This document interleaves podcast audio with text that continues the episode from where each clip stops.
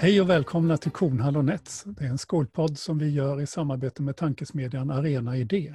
Och vi, det är jag Per Kornhall som är någon sorts oberoende expert, författare och så är jag också ordförande för läromedelsförfattarna. Och med mig så har jag Ingela Nets som är rektor till professionen men som just nu jobbar dels som utredare på en kommunal utbildningsförvaltning, dels som lärare på en fortbildningskurs för rektorer på Uppsala universitet. Hej Ingela! Hej Per! Vi gör alltså tillsammans, och vi betonar det helt ideellt, den här podden för att vi båda är så otroligt intresserade och engagerade i olika frågor som rör skola och samhälle. Och för att det är så jäkla kul att få prata med människor som på olika sätt verkar inom det här området. Idag har vi med oss två eminenta gäster och det är två också väldigt engagerade personer. Den ena som jobbar mestadels inom högre utbildning och en annan som jobbar i skolans värld på golvet där, det faktiskt spelar roll allt det vi pratar om. Välkomna Martin Karlberg och Jonas Nilsson. Tack så mycket.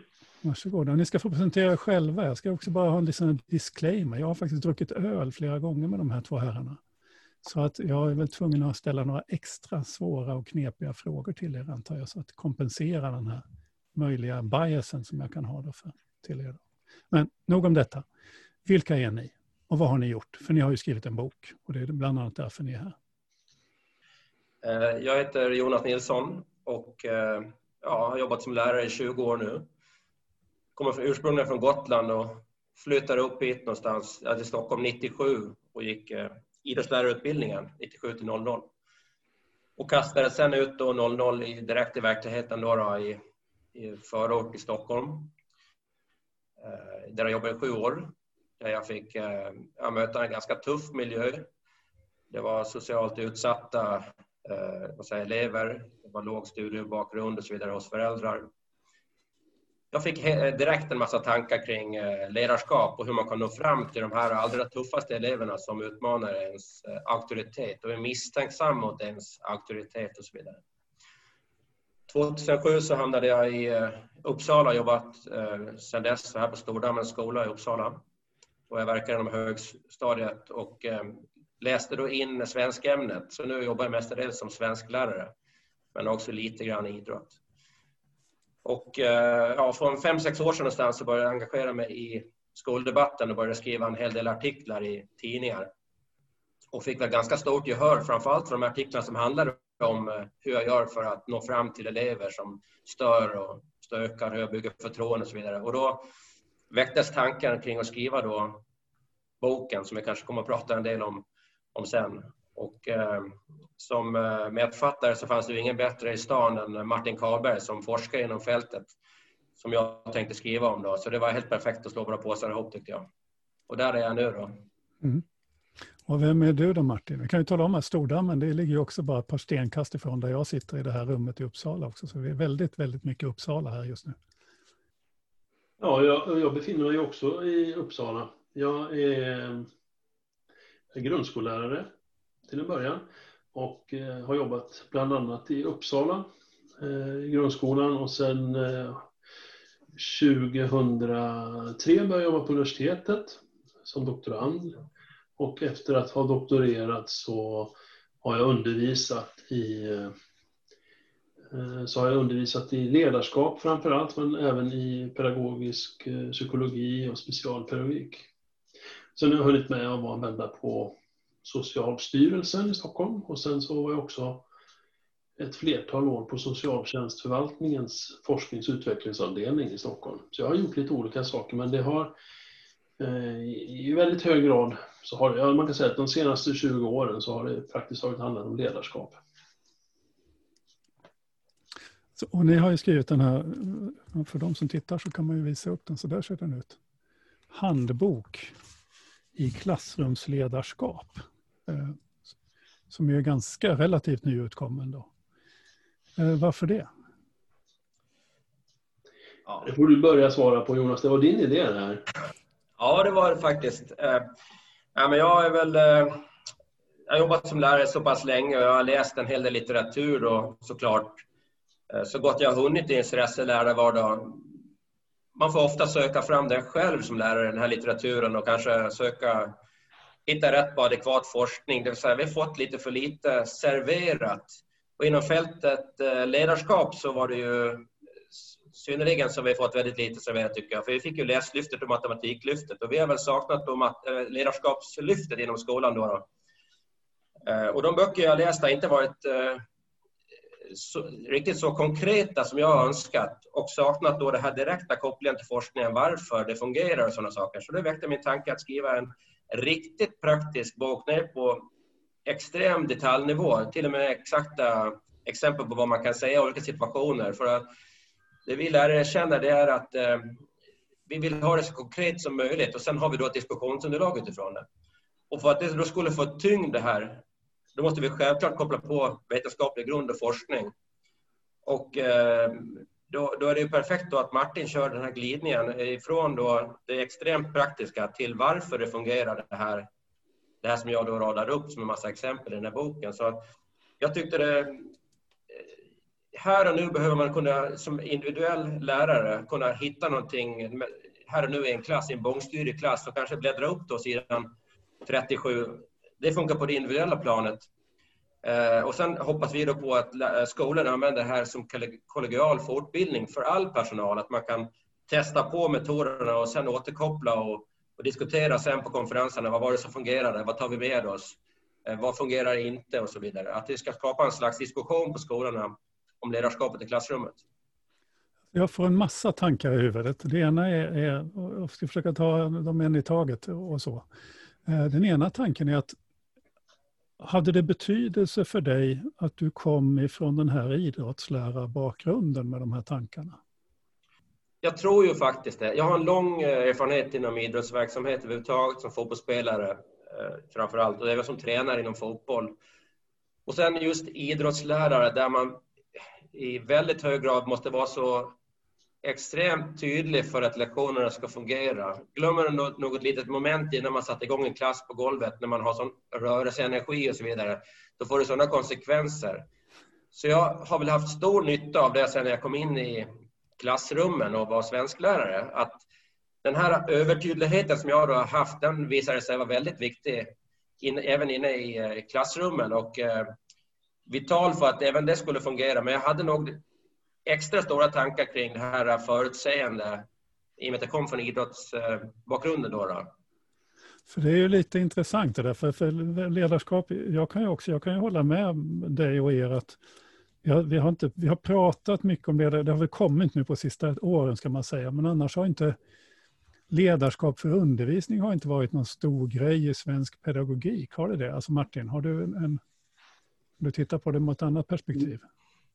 Nej, det här eh, vad man säger, ledarskap i klassrummet, classroom management har väl, eh, har väl inte varit så starkt betonat i, i lärarutbildningarna. Eh, man har gjort lite olika tolkningar vid olika, eh, vid olika lärosäten, men jag vet, så sent som häromdagen hörde jag att man vid ett av våra större lärosäten hade gjort tolkningar att det handlade om retorik eh, snarare än eh, ledarskap. Och det, Eh, retorik är förvisso en central del av ledarskapet, men det är ju inte som så att ledarskapet begränsas till retorik.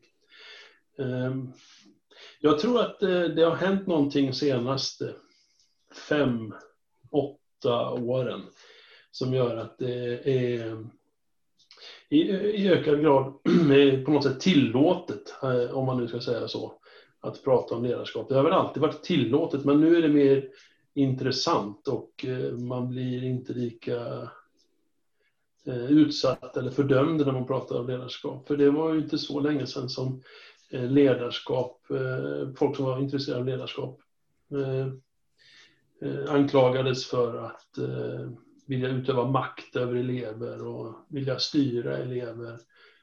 Och det var ju då implicit att styrande av elever var ju då givetvis dåligt. Så det har nog hänt någonting, det, tror jag. Det gäller väl också karaktären på er bok. För jag menar, ni, precis som du, som du sa Jonas, den, du kan alltså hitta tips på vad du ska säga. Det skulle väl eh, en del av de pedagoger som, som, som var tongivande på svenska lärarutbildningar för några år sedan tycka var jävligt obehagligt, man ska säga, på ren svenska. Eh, alltså styrande på ett negativt sätt och det skulle då begränsa. Det var en annan professionalism av, av, av, av man ska kläcka idéerna själv och, och, reflekterande praktiker och så, men inte den reflekterande praktikern som provar någon annans manual om man säger så.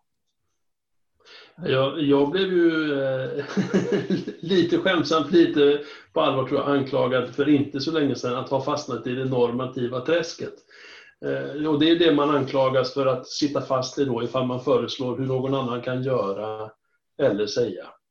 Eh, men jag tror att det framgår ganska tydligt av vår bok, det är i alla fall vår ambition, att eh, vi vill ge exempel på hur man ska göra. Och sen så ska man såklart anpassa de exemplen på ett sätt som gör att det känns bra att, att lägga det till den egna lärarpersonligheten. Och sen så har vi ju hela tiden frågor och uppgifter där lärare ska eh, diskutera med varandra. Hur, eh, hur, är det, hur funkade det här då? Hur kan vi göra så att det här fungerar bättre nästa gång? Eller, eller varför ska vi inte prova det här en gång till? Det kan ju vara lite olika. Men vi, vår, eh, ett ord som ofta kom fram när vi skrev och pratade om den här boken, det var empowerment. För vi, vi är övertygade om att det på, om vi går ut till praktiskt taget vilken skola som helst, och sen så tankar vi ur all kunskap ur alla lärare, så kommer den kunskapen som de lärarna har tillsammans att vara vida större än vilken bok eller ledarskap som helst. Även vår givetvis. Eh, så vår ambition var liksom inte att så se till att lära alla lärare någonting nytt, utan vår ambition var att få lärare att eh, utveckla ledarskap tillsammans och att eh, ge återkoppling på varandras ledarskap och reflektera över ledarskap tillsammans. Och det, det gjorde vi, liksom i, eller har vi gjort i tio, tio kapitel som vi tycker är relevanta. Kan man, kan man någonstans fundera på, alltså, jag, nu, nu, drar jag tankekopplingen här till, till uh, Jonna Bornemark, filosofen som vi pratar om, om, om uh, den liksom tysta kunskapen och omdömet och de här delarna av, av av till exempel lärarprofessionen som är svår att sätta ord på. Men, men det jag tänker är, så här, är, det, är det trots allt det lite grann ni gör? Det här som, som man på något vis tror ska vara självklart och så mm. grundläggande att man inte ens behöver prata om det, men man behöver prata om det. Ja, jag tror definitivt det är så där att, eh, att det här är tyst kunskap som, som plitas ner, som konkretiseras. Eh, jag är runt och föreläser en hel del och nu senast föreläste jag mot finska skolor online då, och den feedback jag eh, fick då var att de uppskattade att höra många av de här sakerna fast det egentligen var självklart. Men det kändes vilsamt och befriande att höra att andra gör på det här sättet och det finns stöd i forskning. Jaha, det är därför den där metoden fungerar. Mm. Och det är därför man kanske bör undvika det här och sådana saker.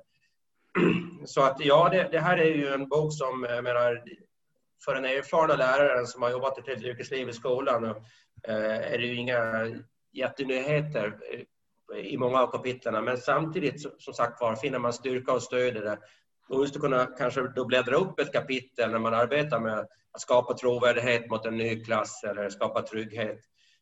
Det är skönt, för att um, ibland hamnar vi lite... Eh, vi är så stressade lärare. Vi hamnar lite vilse, vi hamnar kanske lite snett med någon klass. Då är det skönt att gå tillbaka till grunderna och titta. Ja, det här, så här jobbar andra och det här fungerar i det här sammanhanget. Och forskningen säger det här. Och det, det kan vara skönt även för oss erfarna lärare. Sen har jag en kommentar till eh, det här som eh, Per ställde som frågade om det är lite, lite grann för styrande det här av vissa och det som också Martin kommenterade, att det här är ju mest att man ska utöka verktygslådan kanske, och det man redan kan, så att säga, befästa det. Men det har varit en het debatt också kring det här med strukturer, att lärare ska följa en speciell mall. Det har varit ganska infekterat, jag som har hängt med lite grann på Twitter, att ska det vara robotar som styr lärarrollen nu? Ska vi liksom bakbinda vår egen kreativitet och så vidare? Och det är inte det alls som den här boken handlar om heller, utan Eh, när vi berättar om strukturer och strikta rutiner så utgår vi från att det här fungerar i forskningen och att de här rutinerna inte alls stjäl särskilt mycket tid från lektion, lektioner utan ett par minuter. Eh, och den vinsten man gör då i form av eh, en effektivare undervisning och bättre studiemiljö och så vidare gör så att man tjänar in den tiden väldigt kvickt. Man behöver inte vara rädd för heller inte, att inte kunna använda sin Eh, individuella eh, inställning till läraryrket och det kunnande man har på sitt eget sätt. För däremellan har du ju en 50 minuter till där du kan bara uttrycka dig på olika sätt som lärare. Så jag tycker den debatten har blivit lite väl eh, infekterad, så att säga, onödigt. Den är också intressant och du nämnde ju att du föreläste för finska lärare. Det finns ju lite jämförande studier på, på användning av läromedel. För jag, jag tycker den här diskussionen liknar lite grann läromedelsdiskussionen i Sverige, där läromedel också sågs som något problematiskt men där den finska skolan har haft en annan inställning och byggt, ut, byggt sina läromedel, haft starka läromedel och, och så. Eh, där det finns ju jämförande studier som visar att de finska lärarna berikas, alltså de har, en, de har mer varierad undervisning och att det beror bland annat på deras läromedel. Det vill säga att de har plockat upp idéer Eh, men att de också förhåller sig väldigt kritiskt till sina läromedel. Det, finns inte, det är inget eh, antingen eller förhållande här, utan man kan berika sig med hjälp av metoder. Man kan behöva kanske ett strikt schema för att bryta sig loss ur en vana man har.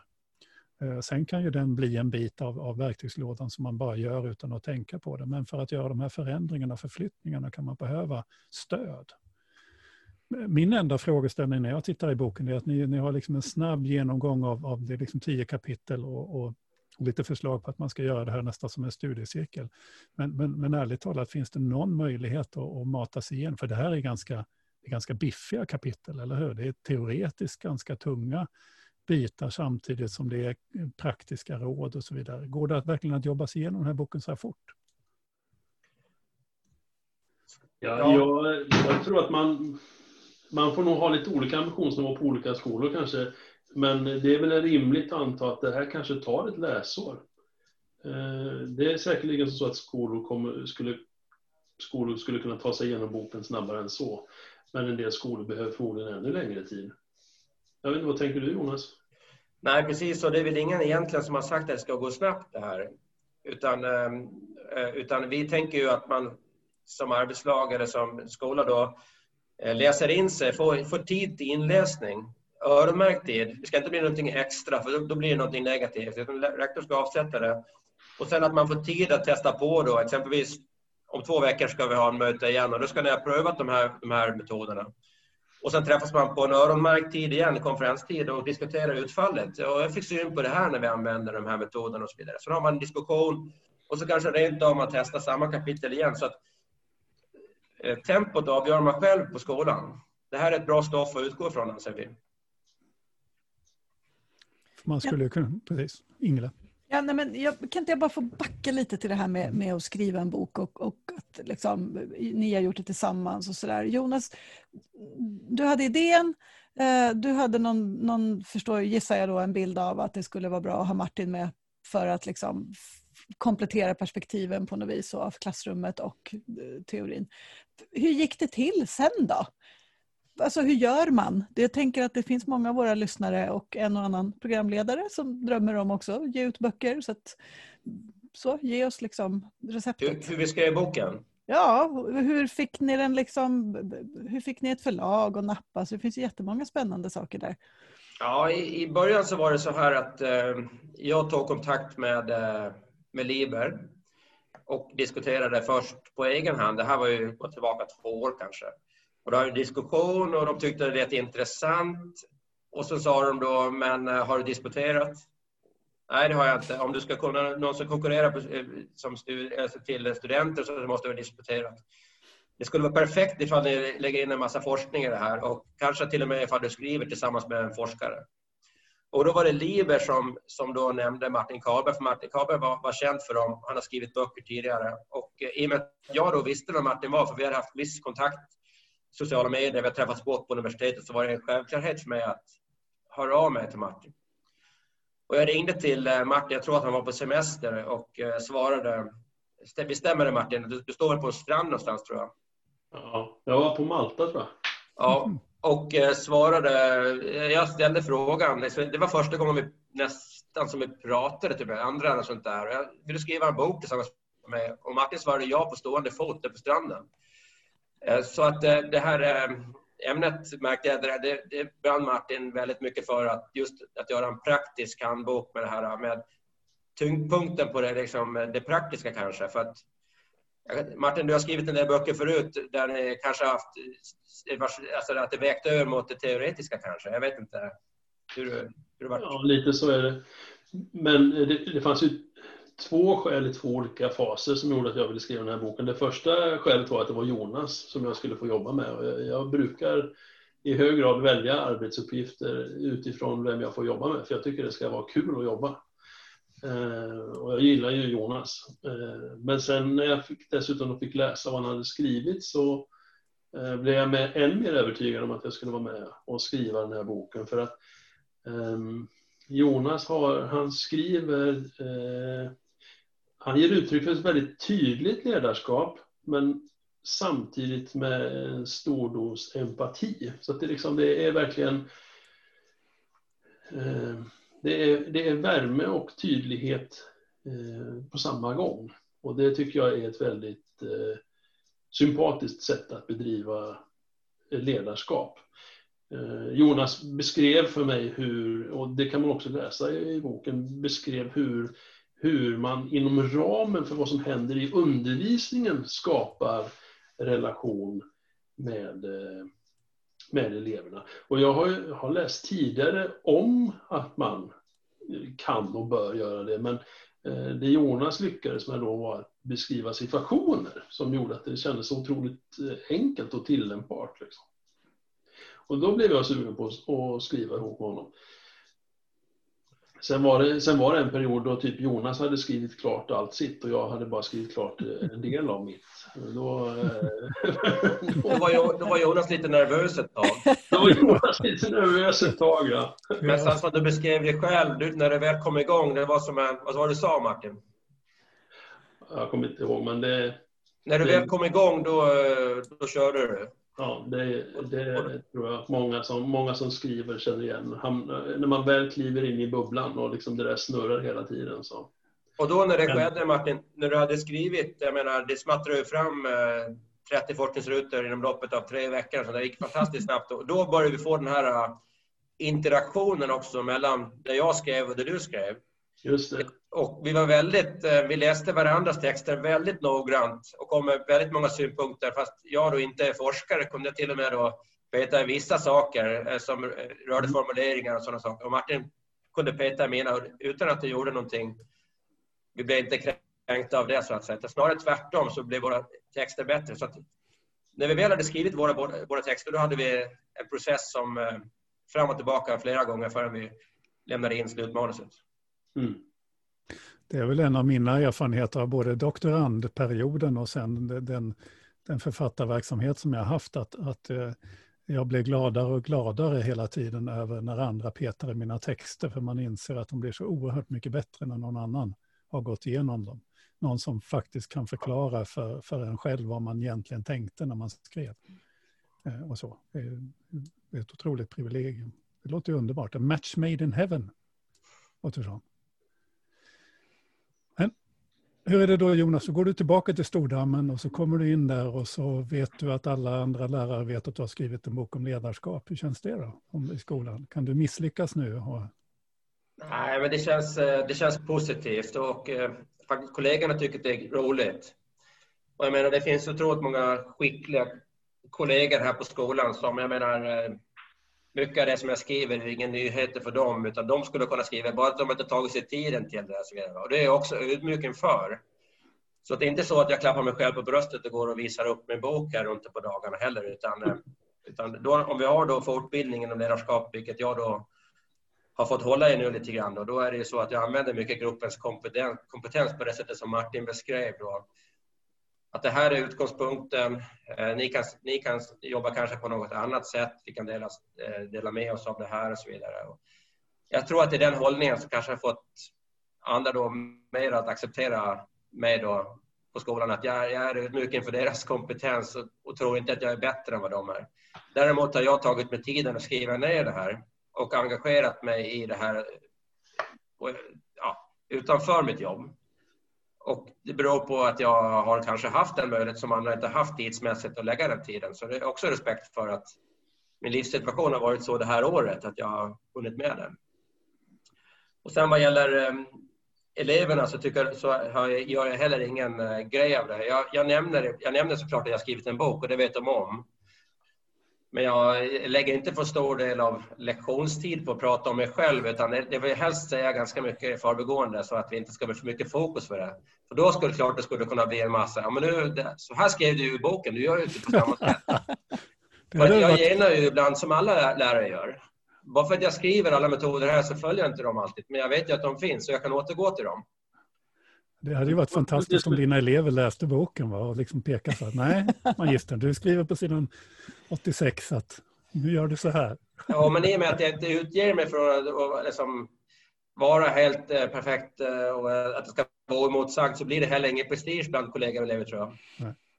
Men jag tänker en viktig aspekt, alltså eh, om du nu skulle få kritik från en kollega som har läst boken och tycker att du inte undervisar på samma sätt som du beskriver i boken så är ju förhoppningen från min sida i alla fall att den kritik de ger eh, i högre grad är baserad på det forskning, den forskning som finns i boken och utifrån de centrala begrepp som vi hanterar i boken. Så det vill säga, du skulle då få kritik på en högre nivå än vad du skulle ja. få ifall inte de hade läst din bok eller vår bok.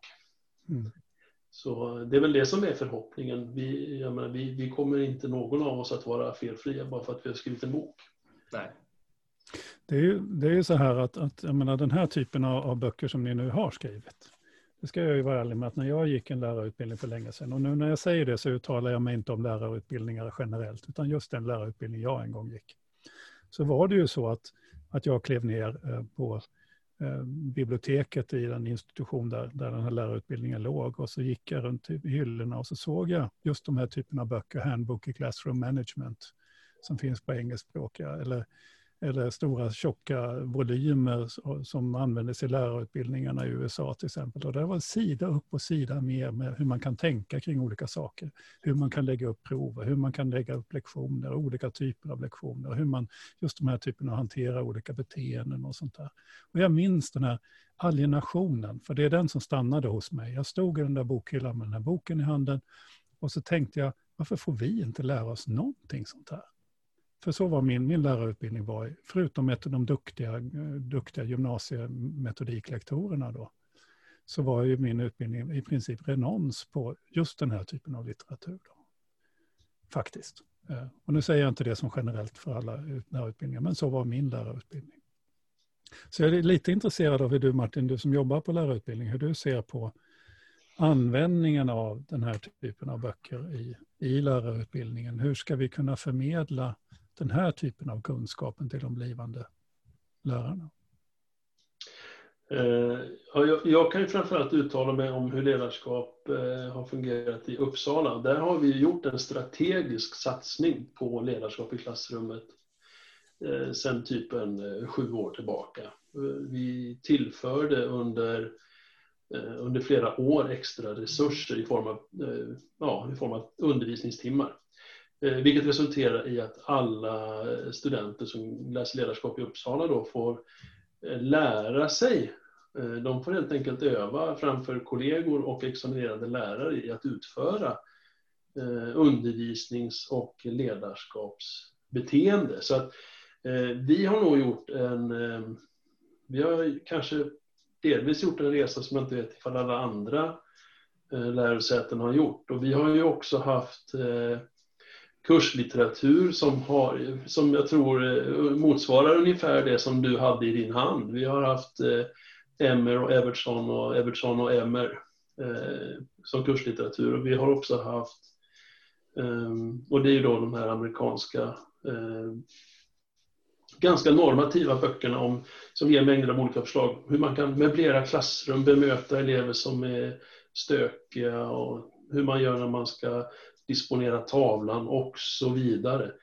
Ehm, men vi har också haft böcker i beteendeanalys, i retorik, i, i sociala relationer. Så att jag tycker nog att vi, eh, vi, har tagit, eh, vi har tagit ganska så stora steg, förhoppningsvis då liksom ehm, inte bara, inte bara i enlighet med dina önskemål utan också i enlighet med den examensordning som ska styra lärarutbildningen. Ehm, så jag tror, alltså när jag gick, eh, det var kanske ungefär samtidigt som du, någon gång då, eh, bondestenålder eller något liknande, när jag gick på lärarutbildningen, då hade vi inte den typen av litteratur, för då var ju, eh, då var ju metodikämnet, eller liksom det här med instruktioner, hur man skulle, instruktioner om hur man skulle göra, det var ju på väg ut till förmån för eh, reflektion i högre grad. Vilket givetvis är jätteviktigt också. Eh, alltså reflektion, det är inte som så att, eh, att jag och Jonas eh, vill ha bort reflektionen. Vi vill ha reflektion, givetvis. Men att det ska också finnas instruktioner och förslag på hur lärare kan göra. Och det tycker jag skiljer vår bok från många andra. Det finns böcker som finns böcker som tar hand om många fler ämnen. Det finns böcker som är mycket tjockare. Det finns böcker som har många fler referenser. Men jag tror inte att det finns någon bok som på sådan detaljerad nivå beskriver hur man kan göra i olika situationer. Eh, och det tror jag är, det är väl där, det är där vi har hittat vår nisch. För det finns många andra böcker som är alldeles förnämliga. Marcus Samuelsson har skrivit någon, och Mats Dahlqvist någon och så vidare. Ehm, så egentligen så var det lite ett getingbo att släppa en bok till i ledarskap då, men eh, vi lyckades hitta en nisch egentligen, där vi rör oss på en delvis väldigt detaljerad nivå, men också då med forskningsstöd. Och det verkar ju som att folk har gillat det. Ja, vad får ni för respons? Nej, men det har varit eh, jättebra respons hittills faktiskt. Det, det har varit, eh, och vi vågar hoppas på att det är lika bra respons framgent så är vi jätteglada. Eh, flera skolor har redan kört igång med fortbildning eh, i kollegiumet och det tycker vi är fantastiskt för vi hade inte räknat med att de skulle köra igång så här pass snabbt. Boken släpptes ju i mitten av augusti någonstans när alla bokinköp redan var gjorda och konferenserna redan var lagda och så vidare. Så att vi har väl hoppats kanske på till våren. Men nu vet jag att många skolor har kört igång redan. Eh, vi har fått positiv respons från, eh, ja, från alla. Ja, vi, ja, det kommer väl kanske någon som, som hävdar någonting senare, men just nu så har det bara varit positivt. Och, ja, det är väl det jag kan säga just nu då. Mm. Om man, om man ger sig på någon form av liten sådär, tolka samtiden utifrån det ni säger. Jag, jag tycker mig, jag hänger ju som du Jonas mycket liksom i skoldebatten och, och på sociala medier och sådär. Man kan ha synpunkter på att det är en liten bubbla och det är bara en liten, liten del av verkligheten. Men jag tycker under de 15 år nu som jag har varit i skolans värld att det har varit väldigt, väldigt liksom sådär, alltså man har hela tiden ägnat sig åt ytterligheter på något vis i diskussionen. Det är antingen eller, det är svart eller vitt. I alla frågor.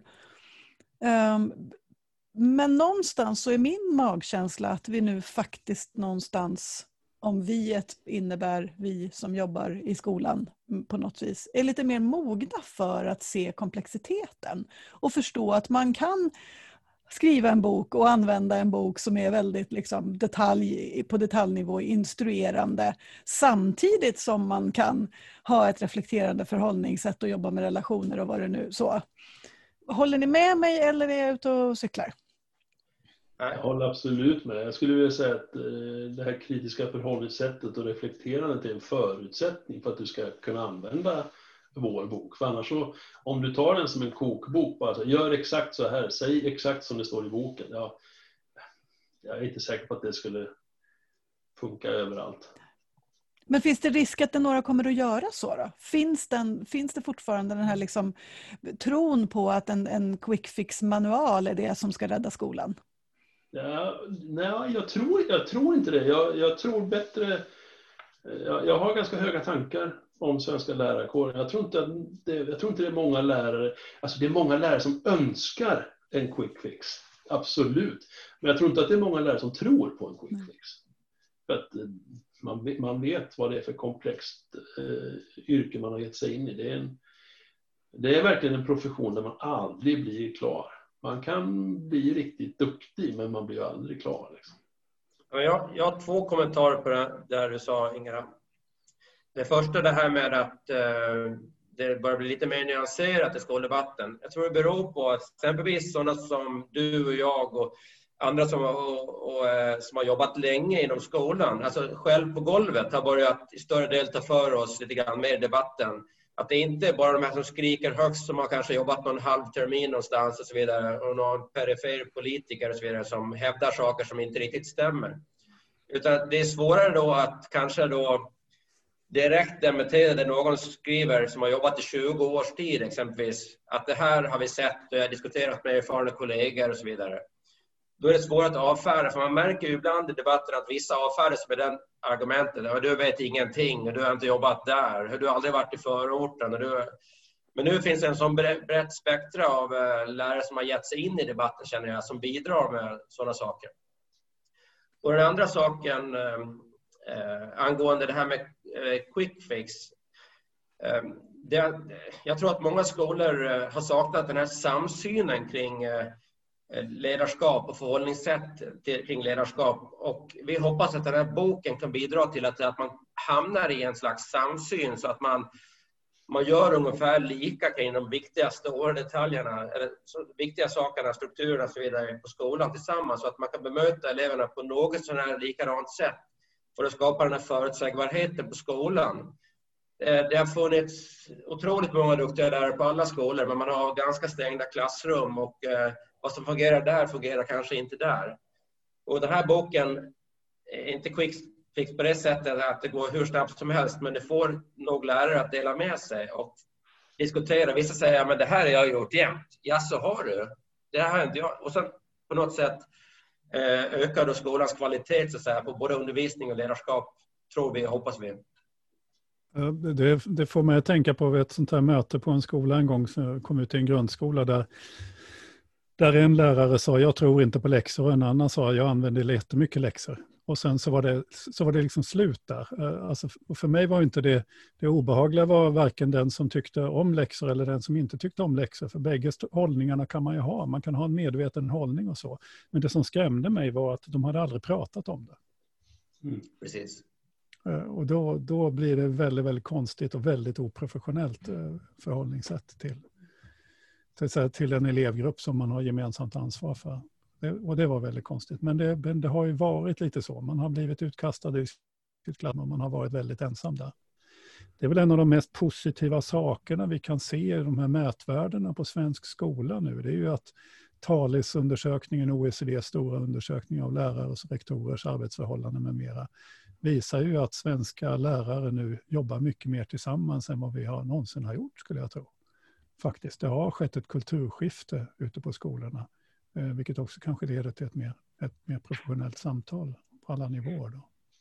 Det, det är väl inte så länge sedan som drygt hälften av lärarna i en sån här talesundersökning, jag tror det var 57 procent av lärarna, aldrig hade haft besök i sitt klassrum. Ja, det var mycket mer än så faktiskt. Ja, det var en, okej. Okay. Ja, det var verkligen så man tänkte, men herregud.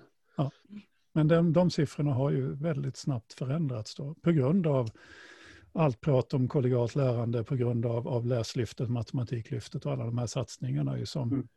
som ju till skillnad från väldigt många andra satsningar i alla fall hade ambitionen att verkligen bygga på vetenskap om lärande faktiskt eh, i skolans värld. Det, det är fascinerande. Och där spelar vi er bok in i samma, mm. in i en sån tradition och kan användas som ett verktyg i, i det här så att säga, nya professionssamtalet som börjar utbredas i skolorna. Det tycker jag är jättespännande. Mm.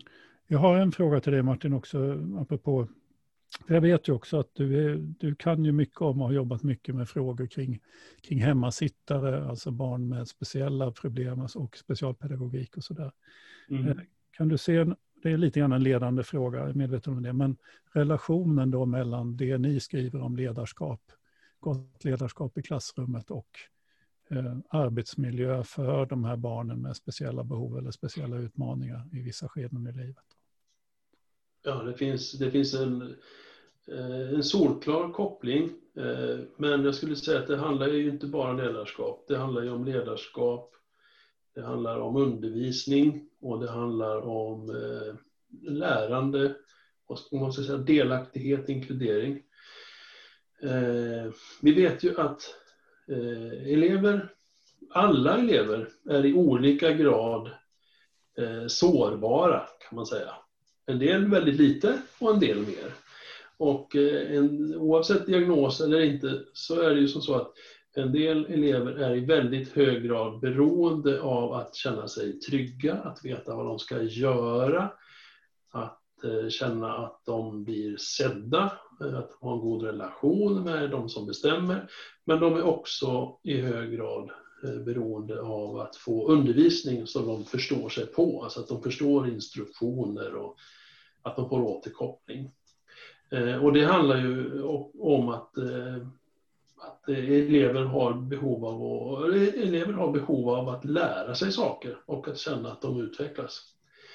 Om man nu, om man nu eh, till exempel känner en otrygghet eller om man känner att undervisning och ledarskap inte är anpassat utifrån de, utifrån de eh, färdigheter eh, man har, utifrån de färdighets eller färdighetsbrister man har som, som elev så eh, kan det ju bli som så att man börjar att få svårt att följa med på lektionerna. Man kanske börjar känna sig utanför, man kanske känner att man inte lyckas.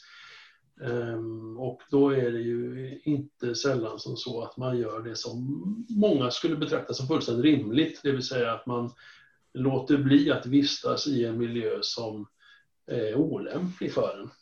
Så eh, eh, och då, då handlar det ju framförallt, då, de jag beskriver nu, då, det handlar ju framförallt om de som är inom fältet eller så här, eh, autism, ADHD, eh, neuro, neurofältet.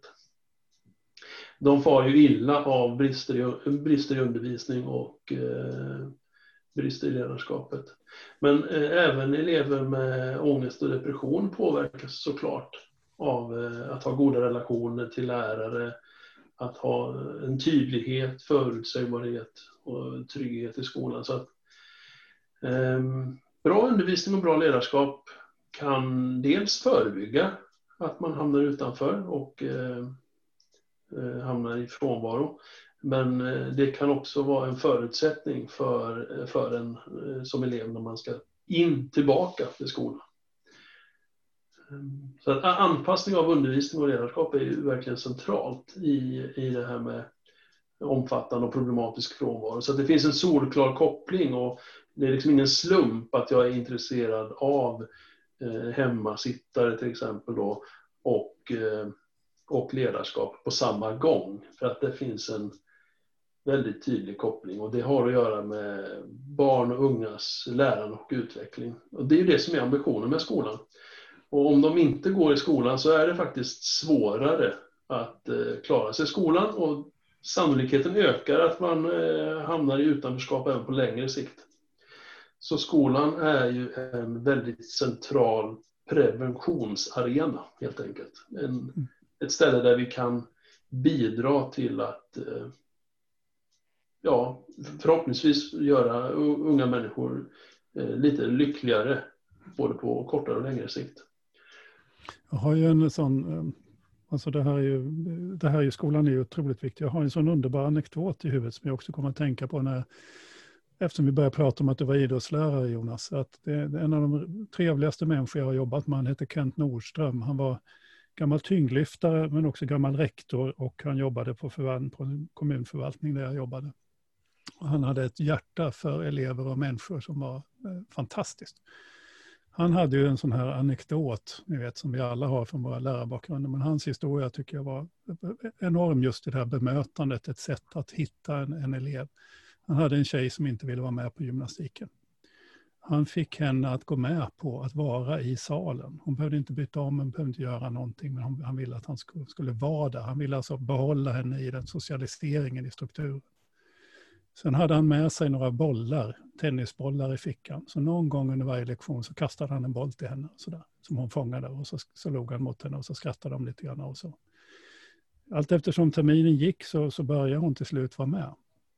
Och, det här, och sen så tappade han då kontakten med henne. Några år senare så kommer hon tillbaka till honom och säger med ett stort leende då. De möts någonstans i något sammanhang då.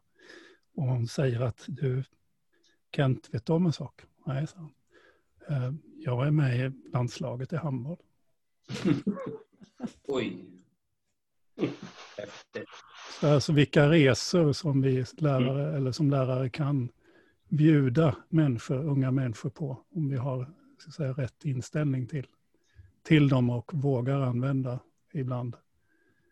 Prova någonting för att se om det funkar. Han, men han hade ingen aning om att det här skulle funka, men resultatet var ju eh, fantastiskt häftigt. Som ju byggde på respekt för, för henne och för hennes val, men samtidigt försöka behålla henne i, i strukturerna i, i klassen. Jag får flera reflektioner utifrån den där anekdoten. Det ena är ju att det är ju det är liksom det här amerikanska sättet att eh, eh, behålla kunder. Det, vill säga det är mycket billigare att behålla en kund än att skaffa en ny. Och så är det faktiskt med frånvaro i skolan också. Det är mycket lättare att öka folks, eller elevers frånvaro om man ser till att de inte börjar att bli eh, frånvarande. Eh, vilket han då har gjort, upp, gjorde uppenbarligen. Sen, sen, så kan man då fundera lite på de här bollarna, Eh, vad de fyllde för funktion. Eh, det finns ju, jag brukar undervisa om en metod som i, den är synnerligen banal, men den kallas för fem kronor.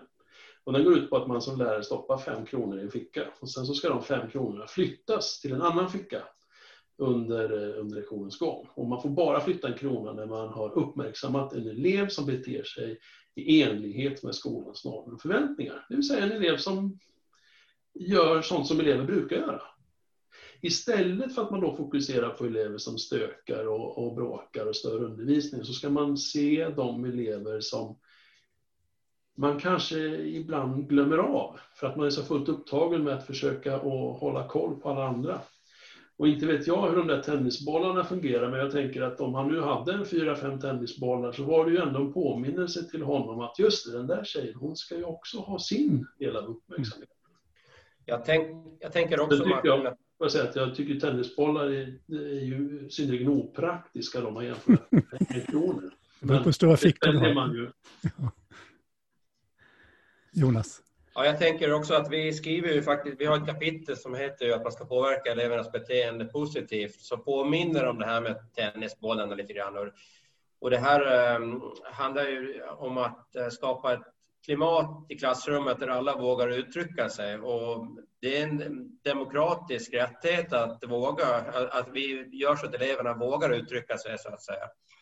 Vi uppmuntrar ju, vi lotsar ju fram eleverna till rätt eh, svar, om man säger så. Vi, till, eh, vi, vi, vi, går inte direkt vidare om, om en elev då enligt läromedlet och svarar fel, utan vi försöker lotsa fram, vi försöker locka fram lite grann och sen lotsar vi vidare diskussionen till någon annan. Så vi försöker liksom skapa en eh, enhet i klassen där alla vågar uttrycka sig, där man hoppar liksom från en till en annan på ett odramatiskt sätt.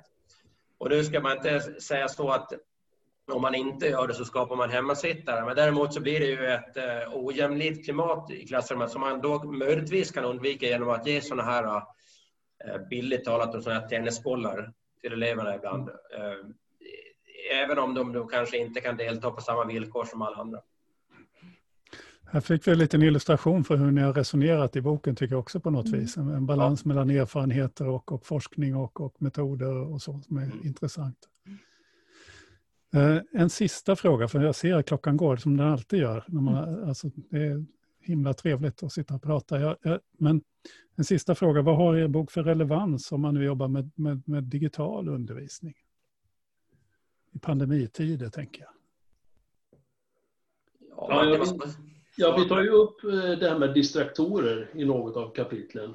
Och eh, det går inte att komma ifrån att eh, datorn är något av det mest distraherande man kan ha framför sig när man är i en inlärningssituation.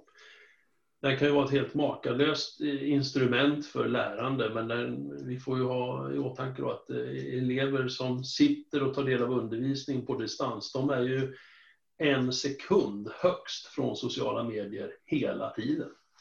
Så eh, det är bara frågan om då hur, hur länge eh, man kan låta bli att klicka. Eh, och det, det, vet vi ju att där, där skiljer sig elever åt. En del kan inte vänta alls. De kommer att klicka direkt och de kommer att klicka många gånger. De kommer att utsättas för formidabla dopaminduschar hela tiden. Och de kommer ju såklart att få svårt att följa undervisningen.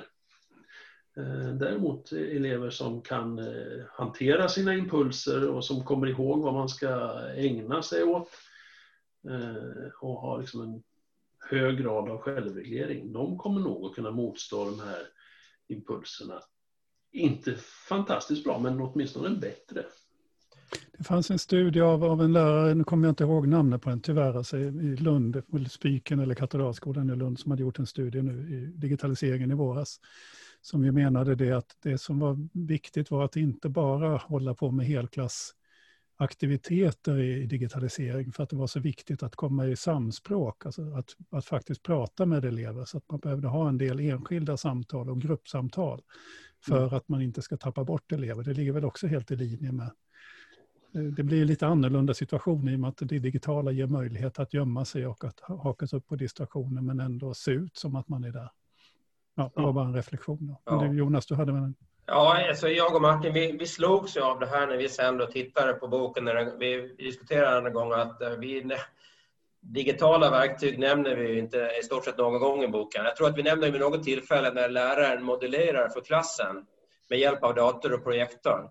Men annars så lägger vi liksom det på eh, lärarens profession att uh, inte använda distraktioner, så att säga. Använda digitala, att, att, vi då litar på lärarens kompetens helt enkelt. Vi, vi, vi ger oss inte riktigt in i det där uh, man får man får inte. Men däremot så är vi ty väldigt tydliga med vad forskningen säger kring distraktioner.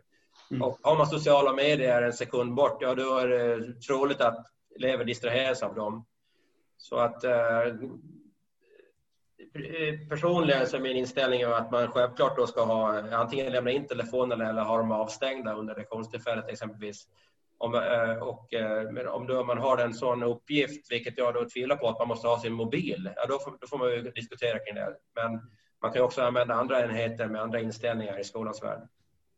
Det är en intressant fråga det där med mobilförbud eller inte. Det jag upplever att de skolor, alltså där en sak som är diskuterad, på, apropå det här med diskussioner på, i sociala medier eller i debatten, det, det diskuteras väldigt mycket högt för och emot, men man ser en stark rörelse bland skolor som nog grundar sig på det att de ser väldigt goda, de får väldigt goda erfarenheter av att ha mobilförbud. Alltså mm. här trumfar erfarenheten all debatt, eh, som jag upplever det eh, på många ställen. Och det handlar just för då om distraktionsmängden som försvinner. Då. Inte om att telefonen i sig är dålig. Och också tycker jag att man även där kan, kan ändå liksom höra i debatten att fast, fast vi måste lita på att lärarna kan göra de här bedömningarna utifrån elevgrupp och situation och, och undervisningsmoment och vad det nu handlar om. så. Vilket lärare faktiskt gör i mm. väldigt stor utsträckning. Men vilket också kan vara jobbigt om man inte har stöd i ett gemensamt beslut. Det vill säga, mm. Jag upplever att det inte funkar i mitt klassrum, men, men ska man då gå emot hela skolans norm mm. så är inte det så lätt. Så att det, det finns väl en mm. balans i det också. Mm. Ja. Återigen, man behöver ha diskuterat det i kollegiet, vad man gör. Blir det, blir det fler böcker? Ja, uh, ja alltså... det, det känns som att det kan bli fler böcker. Alltså, mitt och Martins samarbete fungerar ju väldigt bra och vi har en fin dialog, alltså prestigelös verkligen. Vi kommer från olika arenor vi kan utmana eh, varandra eh, säga, intellektuellt, gå in i varandras texter, men vi utmanar inte varandra, det vill säga att armbåga oss fram mer än någon annan, utan vi är väldigt sympatiska och ödmjuka mot varandras kompetens. Och så finns det ju mycket mer att skriva om som rör våra intressefält. Så jag tror att det kan bli fler böcker. Vad tror du Martin? Ja, jag är övertygad om att det blir ett par till, men vi kan ju inte nu avslöja vad vi tycker. Vi har ju, vi har ju redan nu identifierat några eh, områden där vi tycker att vi borde, skri borde skriva böcker för att vi tycker att det saknas böcker där. Men eh, vi får väl komma tillbaka om några år då till den här podden och berätta om nästa bok. Ja, det eh, var en bra avslutning. Jag hade en sista fråga som jag egentligen skulle vilja ställa och det var du Ingela som hade skrivit ner den. Det var en, en fråga till dig Jonas. Um, du skrev så här Ingela, vilken typ av chef behöver du ha för att dina tankar ska få plats? Det är inte alla organisationer som klarar av att ha medarbetare som hörs och syns på det sätt som du gör det så mycket.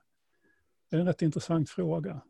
Alltså hur ska en, en, en sån lärare som du, ja, vad vill du ha för chef?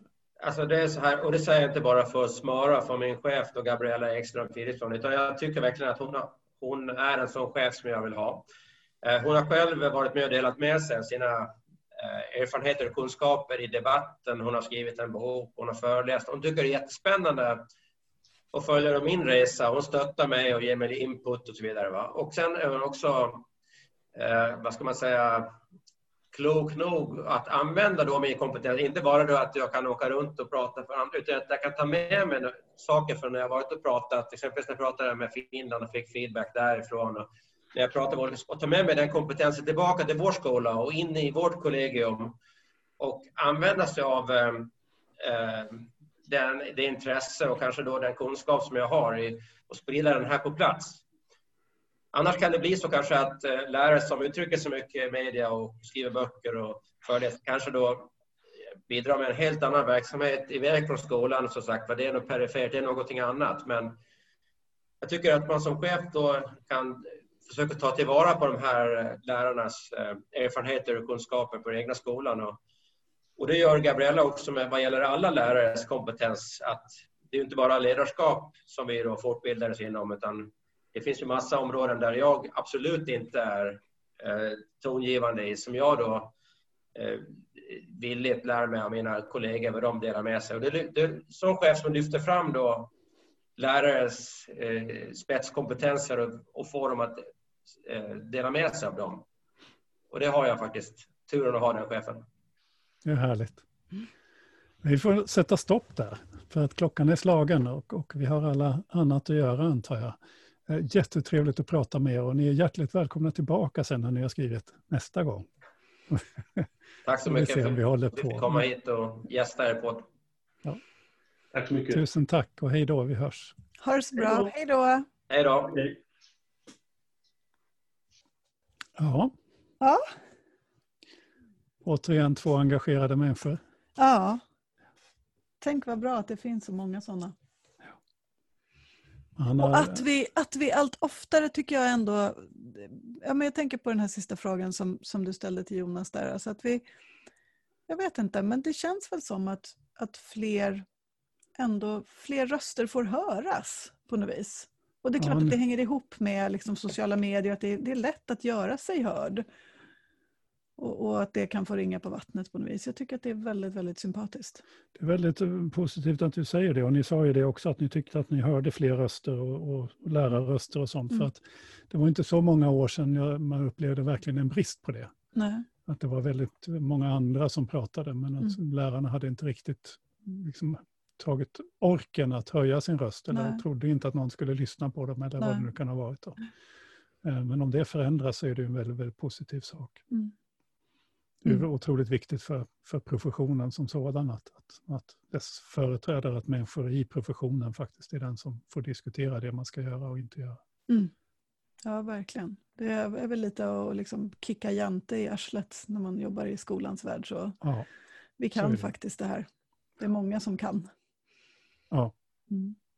Och att, man, att vi, vi behöver de här rösterna och så. Mm. Men det är inte lätt. Alltså det är också så att, att vara den ledaren, då, den rektor, som, den frågan som jag tyckte ändå jag ville ha med. Då. Mm. Vad krävs? Alltså den, den rektor som vågar någon, låta någon annan lysa. Mm. Eh, och så. Mm. Eh, den som inte är rädd för att någon annan någon eh, anställd kanske säger någonting som någon blir arg på. För det, det, det så. Mm. Eh, vi, ju, vi känner ju båda, och det är ett känt namn i skoldebatten, Johan Kant mm. som vi kunde reta gallfeber på olika människor. Eh, när hans chef blev tillfrågad så, så, så, tittade han bara på, mig, på dem som, som frågade honom om det. Så jag förstår inte vad du pratar om. Alla mm. människor i Sverige får väl ha en åsikt. Mm. Så, alltså bara mm. grundläggande demokratiska strukturer som man mm. respekterar som, som mm. ledare också. Mm. Vilket kan vara svårt ibland när, när det är nervöst i organisationen. Exakt, exakt. Det kräver ledare som, som är trygga och står stadigt själva och mm. inte, inte känner sig hotade. Mm. Så är det. Mm. Ja, jag tycker det är spännande. Jag tycker att boken är spännande just det. Den, den har ett kraftfullt innehåll och det är forskning och det är exempel och, och jag tror att många lärare kan hitta jättemycket matnyttigt i den, både om man är erfaren och inte erfaren. Mm. Så jag, och jag tycker det är bra att den här typen av böcker skrivs. Ja men verkligen, det här liksom samtalet mellan praktiken och mm. teorin mm. är ju så himla bra. Mm. Mm. Ja, ska vi sätta punkt där? Yes, det gör detta? vi. Ja. Och du har ju då just lyssnat på ännu ett avsnitt av Kornal och Nets, eh, som är en skolpodd som vi gör i samarbete med tankesmedjan Arena Idé. Och vi som gör den heter Per Kornal och Ingela Nets. I varje avsnitt så intervjuar vi en eller flera personer vars kunskaper, position eller arbete är intressant för den svenska skolan. Om du har en önskegäst eller det finns frågor du vill att vi ska belysa i podden så hör av dig till oss. Du hittar kontaktuppgifter där du hittar podden. Och är det så att du inte bara vill ha oss i öronen utan också i ögonen så finns vi som en videopodd, det vill säga inspelat det här Zoom-samtalet som det var idag. På Arenas Idés hemsida och Facebook-sida. Och med det så säger vi tack för den här gången och vi hörs igen. Hej då! Hej då!